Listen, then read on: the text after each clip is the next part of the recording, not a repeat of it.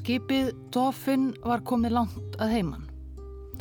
Heimahöfn Dófinn, þrýmastra seglskips, var á Nantucket, lítilli eigi úti fyrir ströndu Massachusetts, norðarlega við austurströnd Bandaríkjana. En að morgnidags 23. februar 1821 var Dófinn allaleið hinumegin við Ameríku álfutnar miklu á sunnanverðu Kirrahafi við vestur strönd Suður Ameríku nokkuð undan Tíle. Áhöfn Dófinn hafi þegar verið marga mánuði á syklingu en fyrirhugað ferðalag þeirra var þó bara rétt að hefjast. Hátt uppi á útsýnispalli í einu mastrinu skimaði ungur sjómaður út yfir breyður Kirrahafsins eftir því sem var ástæða sjóferðar þeirra þangað suður eftir kvölum. Dófinn var kvalveiðskip eins og svo mörg skip sem gerð voru út frá Nantucket og komið allaleiði Kirrahafi leitað einum stærstu skeppnum heimshafana búrkvölum. En það var þó ekki búrkvalur sem sjóarinn ungi á útsýnispalli Dófinn kom auga á þennan februar morgun. Heldur eitthvað annað. Vaktmaðurinn gerði skipstjóranum manni að nafni Simri Coffin undir eins viðvart og niðri á þeilfari mundaði skipstjóri sjónauka sinn og pyrði augun. Það var ekki um að villast, þetta var bátur. Árabátur, valla 8 metra langur, fáránlega lítið fleit til að vera að þér virtist að leitt á siglingu þarna í ölduróti úti á rúm sjó. Þetta leit út fyrir, hugsaði skipstjórin, að vera kvalbátur alls ekki ólíkur þeim bátum sem hingu utan á dofinn og byðu, bátar sem kvalveiðmennir rýru út á frá skipunum og eftir kvölum. En það var ekkert annað kvalskip nærri, alls ekkert annað skip sjáanlegt. Koffin skipstjóri skipaði mönnum sínum að taka stefnuna á bátinn. Þegar nær dró varð sjónin óvennulegri, átt hafði verið við bátinn greinilega upp klastrað tveimur möstrum sem áblöktu tætt og sólbleik segl. Segl sem haf útlitinu að dæma höfð flutt bátinn langa leið. Árabáturinn virtist mannlaus, eða var það ekki?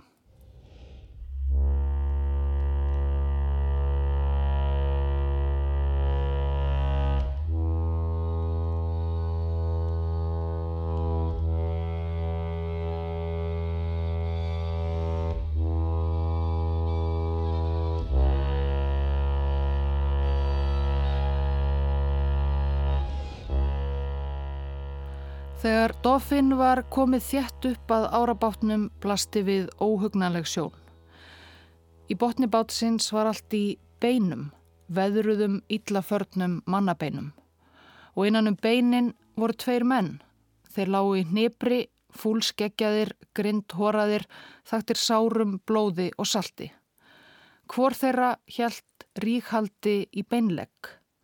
Þeir virtust vera að reyna að sjúa úr beinunum einhverja næringu. Menninir um borði kvalbátnum tóku kollegum sínum á dofin ekki fagnandi. Þeir voru of ítla farnir á geði til að átta sig á lífsbjörginni, vangaðir og hrættir, vissvarla í þennan heim njanan. Skifir er á dofin sem áttu seint eftir að gleima þessari hræðilegu sjón í bátnum urðu að telja þá á að koma um borði í skipið, þykja af þeim mat og drikk og sleppa holdlittlum fingrunum af beinleggjunum.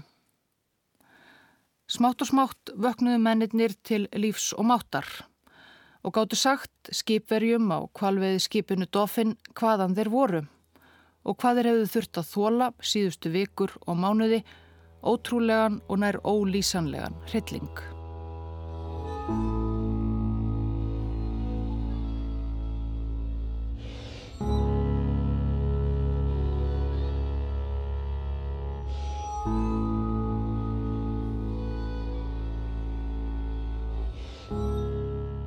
Nantucket eiga er tæpa 50 km frá landi frá Þorskhöfða, Cape Cod í Massachusetts, Nýja Englandi.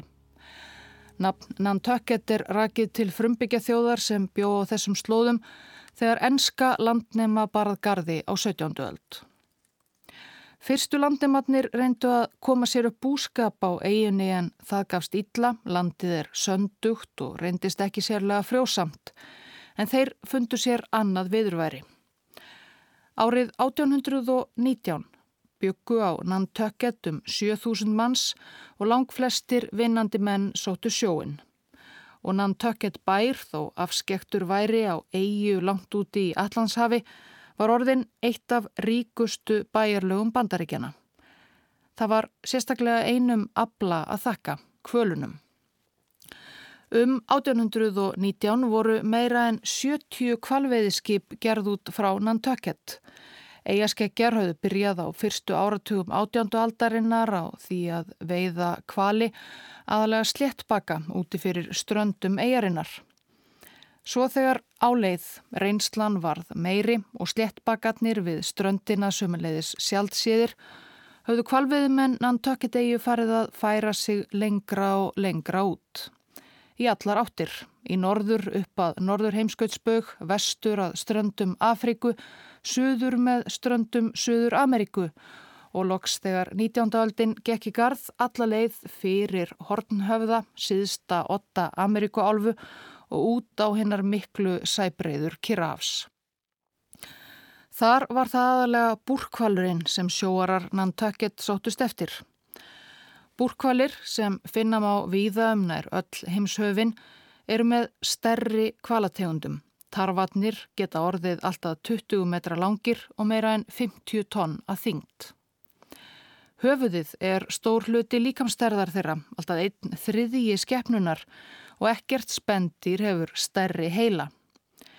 En efst í tunnulaga höfðinu er þygt lag vakskendrar ólíu eða lísis að líkindum er það höfuðið sem er búrið sem Íslenskt heiti dýrsins vísar til. Lísið var það sem kvalveiði mennitnir helst sótust eftir, ekki kjött kvalsins, tennur eða bein.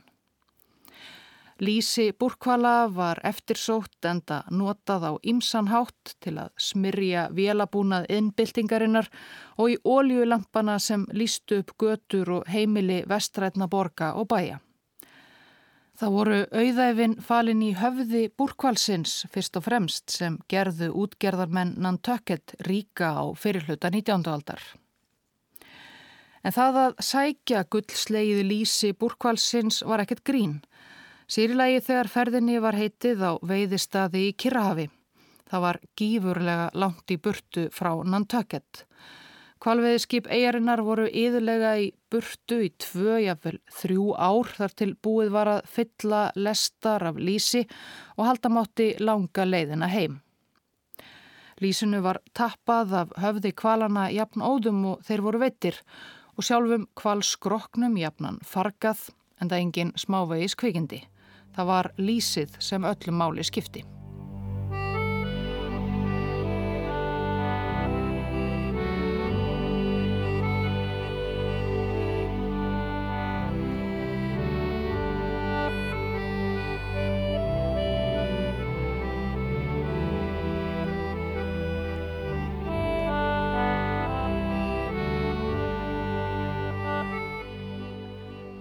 Essex var ekki eitt af glæsilegustu kvalskipunum í höfni Nantucket sumarið 1819. Essex var 20 ára gamalt, sjósett 1799 í allra elsta lægi af kvalskipið að vera og frekar lítið með að við nýri flei, tæpra 27 metra langt frá skuti til stafns, nálega 240 tonna þungt. En Essex þótti þó gott skip happaskip, jafnvel, sögðum enn. Í tvo áratugi á búrkvalmiðum í Allands og Kirrahafi hafði það skilað eigendum sínum vel af lísi og góðum gróða. Essex hafi líka verið nýlega búið út að nýju þegar það lagði af stað frá höfnin í Nantucket til næstu kvalveiðiferðar 12. ágúst 1819. Stefnan var á fjarlægustu veiðilendur Nantucket manna úti fyrir vesturströnd Suður Ameríku í Kirrahafi og í lestum Essex voru vistir til langrar ferðar. Tvö og hálft ár yrði það líklega sem áhöfnin yrði í burtu. Um borði Essex var 21 manns áhöfn. Skipstjórin George Pollard var að fara í sinn fyrsta leiðangur sem skipstjóri. Hann var bara 28 ára, ungur af skipstjóra að vera. Hann var sjóarasonur, fættur og uppalinn ánan tökkett og hafði unnið um borði Essex í fjögur ár, unnið sig upp í tegn. Fyrsti stýrimaðurinn Owen Chase hafði líka gert það. Í síðustu ferð Essex hafði hann verið bátstjóri yfir einum af fjórum kvalbátum skipsins. Hann hafði líka unnið um borði Essex í fjögur ár. Nú var hann næst ráðandi í skipinu, 22 ára, ekki nema tveimur árum eldri en skipið sjálft. Chase var óvennilegur kvalveðimaður að því leiti að hann var sjálfur ekki af sjómönnum kominn. Fadir Owens Chase var bondi, einn af fáum ánan tökjett. Kanski hafði það áhrif á það hver metnaðargjarn Chase var. Hann laði hart að sér og hafði tröll að trú á eigin færni á sjó. Hann sá ennfremur fyrir sér að færi þessi næsta ferð Essex vel, geti hann vel náð skipstjóratign áður en hann erði 25 ára gamall. Aug þeirra Pollard skipstjóra og Chase fyrsta stýrimanns voru um borði Essex 19 menn til viðbútar. Annar stýrimaður, þrýr bátstjórar og 15 sjóarar að auki. Flestir voru þeir kvítir en í áhöfninni voru sjö frjálsir svartir menn. Lang flestir sjómennir voru fættir og uppaldir ánan tökett en fjórir komu annar staðar að farandverkamenn sem líklega stöðu ráði sig til starfsins í Boston. Það þótti annars ekki sérlega fínt meðal sjómanna að vera á kvalveiðskipum. Ferðirnar voru langar, vinnan erfið og ógeðsleg og peningarnir ekki nógu góðir meða við þetta. Yngstur um borð var Káetudrengurinn Thomas Nickerson. Hann var 14 ára, nántökett piltur í húð og hár, hafði hangið við höfnina alla tíð að fylgjast með skipunum koma og fara og nú var hann loksins að fara sjálfur í fyrsta sinn á sjóin. Hann var stoltur og spendur. Það var raunar ánægulegasta stund lífsans, saði Thomas Nickerson síðar meir, þegar eftir nokkura vikna undirbúningsvinnu í höfninni Gamla kvalveiðskipið Essex var loks ferðbúið að morgni 12. ágúst 1819. Aug Nickersons voru fleiri reynslu litlir sjóarar um borð, táningspiltar á leiði sína fyrstu sjóferð og ennað læra til verka. Akkerinn voru hýfðu upp og fest við kinnungana og mennirnir snýri sér að því að setja upp seglinn. Það hefur vafalaust verið gamansum sjón fyrir vana sjóminn að fylgjast með okkur gera skipið klárt. Í raun var þetta fátt annað en klaufaskapur og ringulreið af hálfu okkar í áhöfninni það er. Yfirmenninir voru mjög klárir menn og án Eva skömmuðust þeir sín svo litið að klunaskapurinn í okkur blasti við öllum bæjarbúum í höfninni. Það var Owen Chase, fyrsti stýrimaðurinn sem hafði það hlutverk að koma fyrir skipunum skipstjórans áleiðis til óbreytra sjómanna og þilfari og tryggja að þeir hlítu. Við sem vorum úr bænum göftum aftur fyrir okkur til að sjá heimkinnum okkar bregða fyrir í síðasta sinn. Og það var ekki fyrir en fyrsti stýrimaðurinn kleip mig í eirun að ég var myndur á að það átti enn eftir að vefja saman nokkur reypi og sópa þilfarið, skilda sem yfirleitt var fengin piltum af minnistjætt. Og þó svo að nokkrum klukkustundum fyrr hafði ég verið áfjáður að leggja af stað, var eins og skindilega færðist yfir mig drungi, að fylgjast með landinu hverfa sjónum og sökva undir sjóndeldarhingin til vesturs. Það var þá sem ég fannst ég í fyrsta sinn vera aðleitt í viðfemum og miskunnuleysum heimi. Svo heyrði ég ráma rött fyrsta stýrimannsins kalla til mín höstuglega. Þú þarna strákur, kottu með kústin og sópaðu. Næst er ég þar að tala til þín, hvað er skinnið að þér að kenna því? Fyrstu dagarnir um borði í kvalskipinu Essex voru mörgum nýju sjómanunum erfiðir, sjóveiki herjaði sérstaklega á græningjana um borð. En þeir urðu að býta á jakslinn og láta sig hafa ógleðina. Sjómununum var strax á fyrsta degi siglingar útlutaðar vaktir. Í nokkra klukkustundir á dag voru þeir að húka uppi í einu af þremur möstrum Essex og skima eftir kvölum í sjónum. Það var orðið mjög lítið um kvali í sjónum við Nantucket. Eigaskeggjar hafðu gengið hartað kvalastofnum í nágræni sínum. Þess vegna stemdi Essex á Kirrahaf. En það var þó aldrei að vita. Engin kvalur sem yrði á vegi Essex á leiðinni skildi komast undan. Thomas Nickerson, káetuguttin 14 ára, var enn eins og nöyt við nývirki á öðrum degi ferðarinnar. Þann 13. ágúst voru við í tærbláu vatni með ekkert í auksín annað en sjóndeldarhingin í kringum litla skipið okkar sem virtist næstum vera sem sinn eigin litli heimur. Hér fengum við ánægilega heimsókn höfrunga sem syndu í kringum skipið og léku sér að því að velta sér og líta upp til okkar eins og til að bjóða okkur velkomna. Það virtist sannlega sem guðleg forsjá hefði hannað mig til sjómennsku því ég hef aldrei í lífinu verið sjóveikur. Og á þessari stundu tók ég gladur þátt í því með hinum hraustu mönnunum að hlæja að þeim sem voru ekki eins hefnir og við.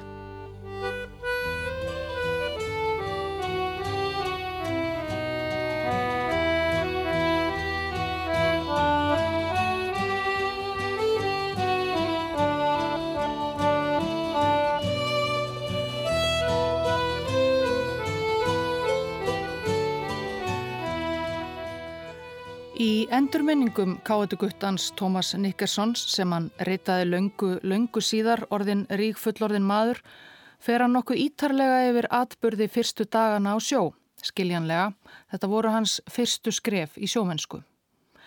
En dagarnir um borði Essex yrðu fljótt einsleitir. Skipið stemdi í söður en fór ekki beinustu leið, heldur, fyldi vindum Fyrst sildi Essex suðaustur yfir Allandshafið í áttað Afríku þar til svo kallar staðvindar við miðbög blésu um seglinn og stemdu skipinu aftur yfir Allandshafið í áttað Suður Ameríku og hornhöfðanum sem sigla þurfti fyrir til að komast yfir í Kirrahafið. Fyrstu daga ferðarinnar þegar Essex stemdi í suðaustur út á Allandshafið var allt með ágætum. Engir kvalir sáust við sjóndeldarhingin en siglingin gekk hratt og öruglega. Essex hafði lagt nokkuð sent úr höfni í Nantucket en virtist þó alltaf ná yfir í Kirrahafið á góðum tíma. En svo fór veðrið á Allandshafi að versna. Veðrið fór að verða mjög drungalegt og þungbúin skí að hrannast upp í söðu vestri. Sjórin varð afar úvinn svo skipið vakkaði og veltist í öldunum. Stormur virtist vera í aðsí. George Pollard skipstjóri skipaði sjómunum sínum að snúa skipinu undan vindáttinni en virðist þó hafa vannmetið veðurofsan sem fljótt varð skipinu um megn. Eldingar leiftruðu og himni, vindurinn efti í seglunum og skalla á skipskroknum af slíku afli að það hallaðist til hliðar 45 gráður svo enn frekar 90. Tómas Nickerson og hinnir ungu sjómennir um borð þurftu að rík halda sér í eitthvað á þilfari til að kastast ekki niður í dögt og úfið allanshafið. Tveir kvalbátar sem hingu utan í skipinu hurfu ofan í djúpið og eldhúsið viðarkofi skipskokksins á þilfari ripnaði í sundur og splundraðist. Þegar vindin lagði loksins og skipið rétti sig við, blöstu enn frekari skemdir við áhöfn Essex sem blessunarlega hafði öll komist lífsaf. Fjölmörg segl voru ripnar tætlu reynar og ennannar kvalbátur, varabáturinn, var möllbrotinn og ónýtur. Það þýtti að einungis tveir sjófærir kvalbátar voru eftir um borði Essex en kvalskip hafðu yfirleitt þrjá báta hitt allra minsta og yfirleitt að minnstakosti einn til viðbótar til vara. Fyrsta hugsun Pollards skipstjóra þar sem hann horfi yfir blöytt spýtnabrakið á þilfari skipsíns var að hann yrði að snúa aftur til Nantucket og láta gera við skipið. Það voru jú bara nokkrir dagar frá brottfur og þetta gætt varðla bóða gott fyrir ferð sem átti að vera í minnstalægi til tveggja ára. Owen Chase, fyrsti stýrimaður, var ósamála. Hann hafði unnið jafn lengi um borði í Essex og skipstjórin og taldi sig þekkja skipið og syklinguna framöndan eins vel og yfirmaðurinn. Þeir voru komnir langt út á Allandsaf og það var ekki laung sykling til Asór-eia, portugalska eigaklassans um 1500 km vestur af strönd Portugals. Þar mætti æja gera við skemdir á skipinu og eflaust kaupa nýja kvalbáta. Það var hvortið er á planinu að stoppa þar og taka vistir. Svo Pollard skipstjóri ákvað eftir nokkra umhugsun að treysta domgreind fyrsta stýrimanns frekar en sinni eigin eða eins og káetuguttin Thomas Nickerson orðaði það treysta örlugunum og góðri forsjá og halda áfram ferð kvalskipsins Essex. Eftir þetta snýru við skipunu til austurs og undum upp öll segl til að flýta ferð okkar. Svo að segja á hverjum degi syldu við hjá mörgum skipum sem stemdu til bandaríkjana og yðurlega heyrðist þá í einhverjum af ungu sjómanunum okkar Öh, ég vildi væri um borði í þessu skipi á leiðinu aftur heim. Ég er hann döðþreyttur á þessum kvalveiðum. En reyndar höfðum við þá enn ekki séð einn einasta kval en því miður fyrir þessa auðmingjans pilta þá fengu flestir þeirra aldrei að snúa heim til sína aftur.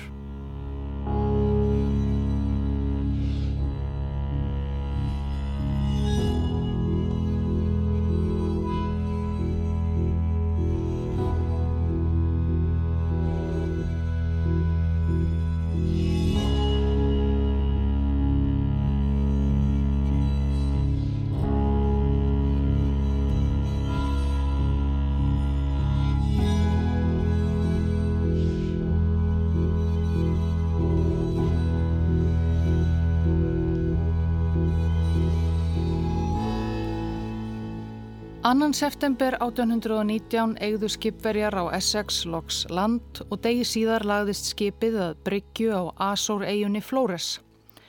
Þar tók skipið vistir, grænmeti og aðra ferskvöru en enga kvalbáta reyndist hægt að fá. Essex helt í ferðinni áfram í söður og var komið tveimur vikum síðar til Grænhöfðæja úti fyrir vesturstrand Afríku. Þar reyndust skipverjar aðeins hefnari. Essex sildi fram á annað bandarist kvalveðiskip Archimedes sem hafi strandað á grunnsæfi við ströndina á Majó, einni grænhafðægja. Konsúl bandaríkjana á eiginum hafi tekið skipsflakið til umsjónar og fjælst fúslega á að selja Essex-mönnum eina kvalbátin af Archimedes sem enn var nótæfur. Það var hann svona rétt svo. Skipverjar hafðu líka gert við bátin sem skemmtist illa í óviðrinu Svo nú voru um borð fjórir kvalbátar en tveir þeirra reyndar í frekar lélegu ásikomulagi. Það varð að duga. Á mæjó kifti Pollard skipstjóri líka 30 levandi hrínandi gelti sem tóku upp búsettu á þilfari skipsins. Og lengi vel enn voru geltinnir einu skeppnutnar sem urðu á vegi skipverjana á Essex. Það var ekki fyrir um miðjan oktober eftir meira en tveggja mánada siklingu þegar Essex var komið vel yfir miðbaug á 30. gráðu söður um miðja vegu millir Rio de Janeiro í Brasilíu og Buenos Aires í Argentínu sem vaktmaður uppi í mastri kom auga á langt úti við sjóndeldarhingin fyrstu kvali ferðarinnar. Það var torfa af búrkölum Mennirnir á Essex fengu nú loks tækifæri til að sína hvað í þeim bjó. Strax í upphafi ferðarinnar hafi áhafnarliðum verið skipað á þrjá kvalbáta, sex menn á bát. Pollard skipstjóri fór fyrir einum, Chase fyrsti stýrimaður öðrum og annar stýrimaður Matthew Joy þeim þriðja. Chase stýrimaður hafi valið Thomas Nickerson káetugutta á sinn bát. Loksins var tíminn komin til að sína leikni okkar og fyrir þá óreindu að æfa sig. Hver maður hafði beðið skipunarinnar spentur á sínum posti og skipstjórin hafði varla sleft orðinu þegar bátarnir voru komnir í vatnið og hver maður á augabræði reyðbúin við sína ár. Nú reyndi á róðrafærni og kraft þar sem það var eina mílu að róa upp að kvölunum og við fengum tækifæri til að láta reyna á hæfileika hverjar báts áhafnar í snerpu og styrk. Þessi þólraun var frekar nokkur í annari tilefni mikill að botlalegginga meðal áhafnana, þar sem enginn vildi eftirláta öðrum Sigur Pálmann. Þegar bátarnir voru komnir þjætt upp að kvalatorfunni kom til annarar þólraunar að standa upp þreyttur og dofin eftir róðurinn og mynda skutul og reyna að hæfa þessar risavöxnu sjáarskeppnur þegar þær komu um stundarsakir upp úr kafinu. Það var bátur Chase Stýrimanns og Nickersons káetugutta sem var fyrstur að kvölunum í þetta sinn og stóð uppi með Sigur Pálmann í höndunum. En skutulmaður bátsins, tvítugur græningi að nafni Benjamin Lawrence, var tauga ústyrkur á ögur stundu og hikaði nokkur andartök með skutulun í hendi rétt við eitt stórkvelið, þar til að skindilega allir sex mennum borði í kvalbátnum kostuðust upp í loftið. Annar kvalur hafi komið upp úr kafinu rétt undir kvalbátnum, skallaðan upp í loftið og brotið. Mennirni sex lendu í sjónum innan um brak úr bátnum. Til allarar hamingju voru hinnir bátarnir tveir ekki langt undan og gáttu fiskað upp bæði vota félaga sína og sundur brotin kvalbátin á meðan búrkvalitnir letu sig snarlega hverfa aftur niður í djúpið. Engan sakaði og skipverjarnir rýru aftur til skipsins. En engin kvalur í þetta sinn og ferð kvalskipsins Essex virtist ekki byrja sérlega farsælega.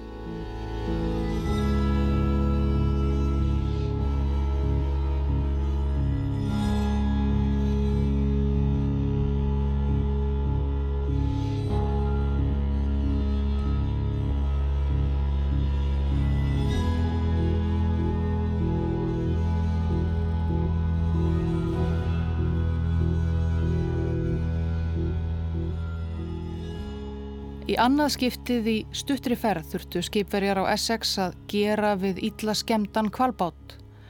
En það tókst að tjastla bátskriblinu saman og ferð Essex helt áfram í suður. Nokkrum dögum eftir að fyrsta kvalatorfan sást komu mennirnir aftur auga á kvali og ungu sjóaratnir nú komnir með einhverja reynslu tókst einum þeirra að hæfa dýr. Einn stunga með skuttli var sjálfnast nót til að lífiláta svo stóra og sterkbyggða skeppnu. Skuttullin var festur í reypi og þegar dýrið, sært og rætt syndi af stað, tógaðist kvalbáturinn á eftir. Sérstök salibuna sem gárungar kölluðu nantökkett sleðaferð.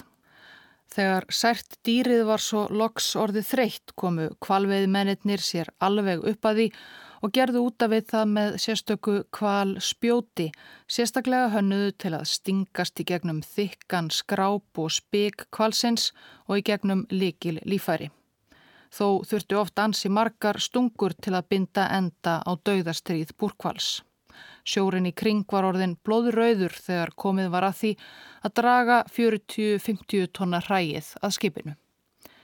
Þar tók við ekki listugri vinna að verka hræið, hakka af því hrikalega stort höfuðið og tappa verðmætu lísinu á tunnur. Það var sóðarlegur starfi og fnikurinn yfirþyrmandi. Tómas Nikkersson káetugutti rak sig fljótt á það að fött sem aður klættist við kvalverkun vildi maður ekki endilega nota aftur og hann var fljótt búin að eidilegja öll þau fött sem hann tók með sér til tveggja eða þryggja ára sjóferðar.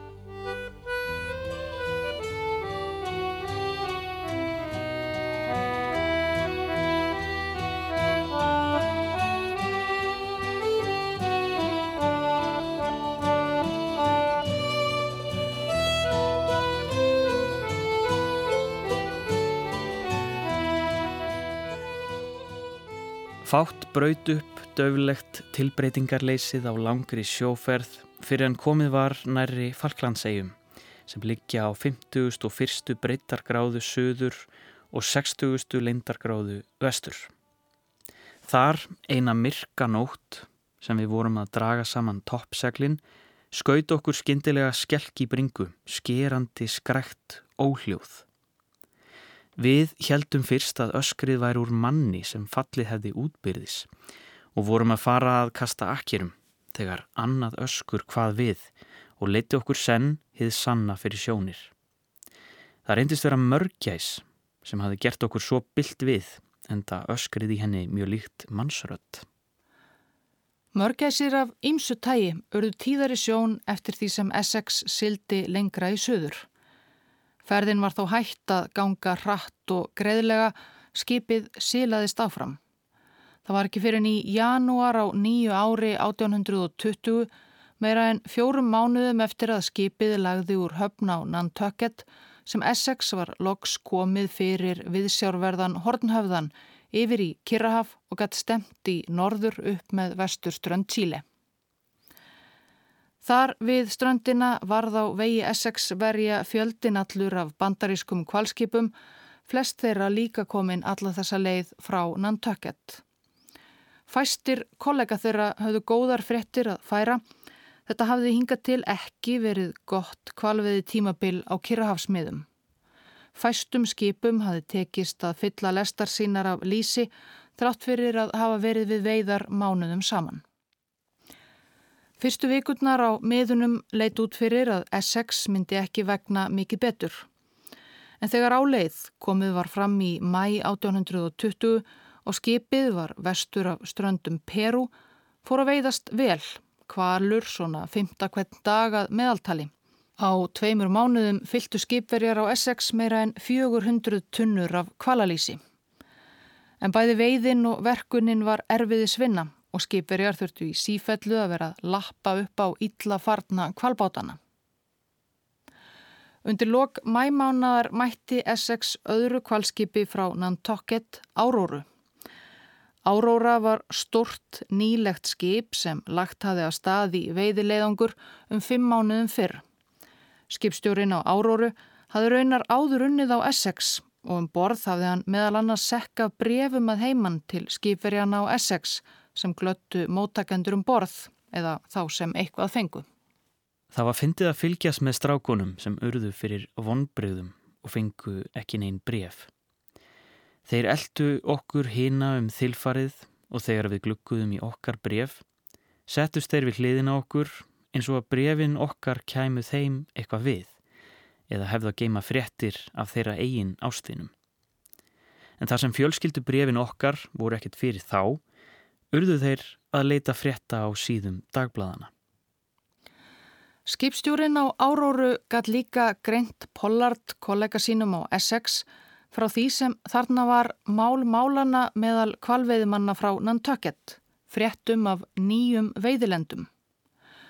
Nokkru fyrr hafði annað skip frá eiginni hætt sér lengra út á Kirrahafið en nokkurt Nantucket skip hafði áður gert, meira en 1500 kilometra vestur frá strönd Peru. Þar fann áhöfn skipsins hafsvæði sem virtist krokt af búrkölum og mennirnir voru fljótir að fylla lestar skipsins af lísi. Hafsvæði þetta kölluðu kvalveiði mennirnir orðið aflandsmiðin og voru handvissir um að væri framtíðar land kvalveiða á sunnanverðu Kirrahafi. Pollard skipstjóri Essex þurfti ekki að hugsa sig lengi um. Hann ákvaða sigla strax til hafnar í Tíle og Abla Vista og halda svo út á ókannaðar óravítir Kirrahafsins.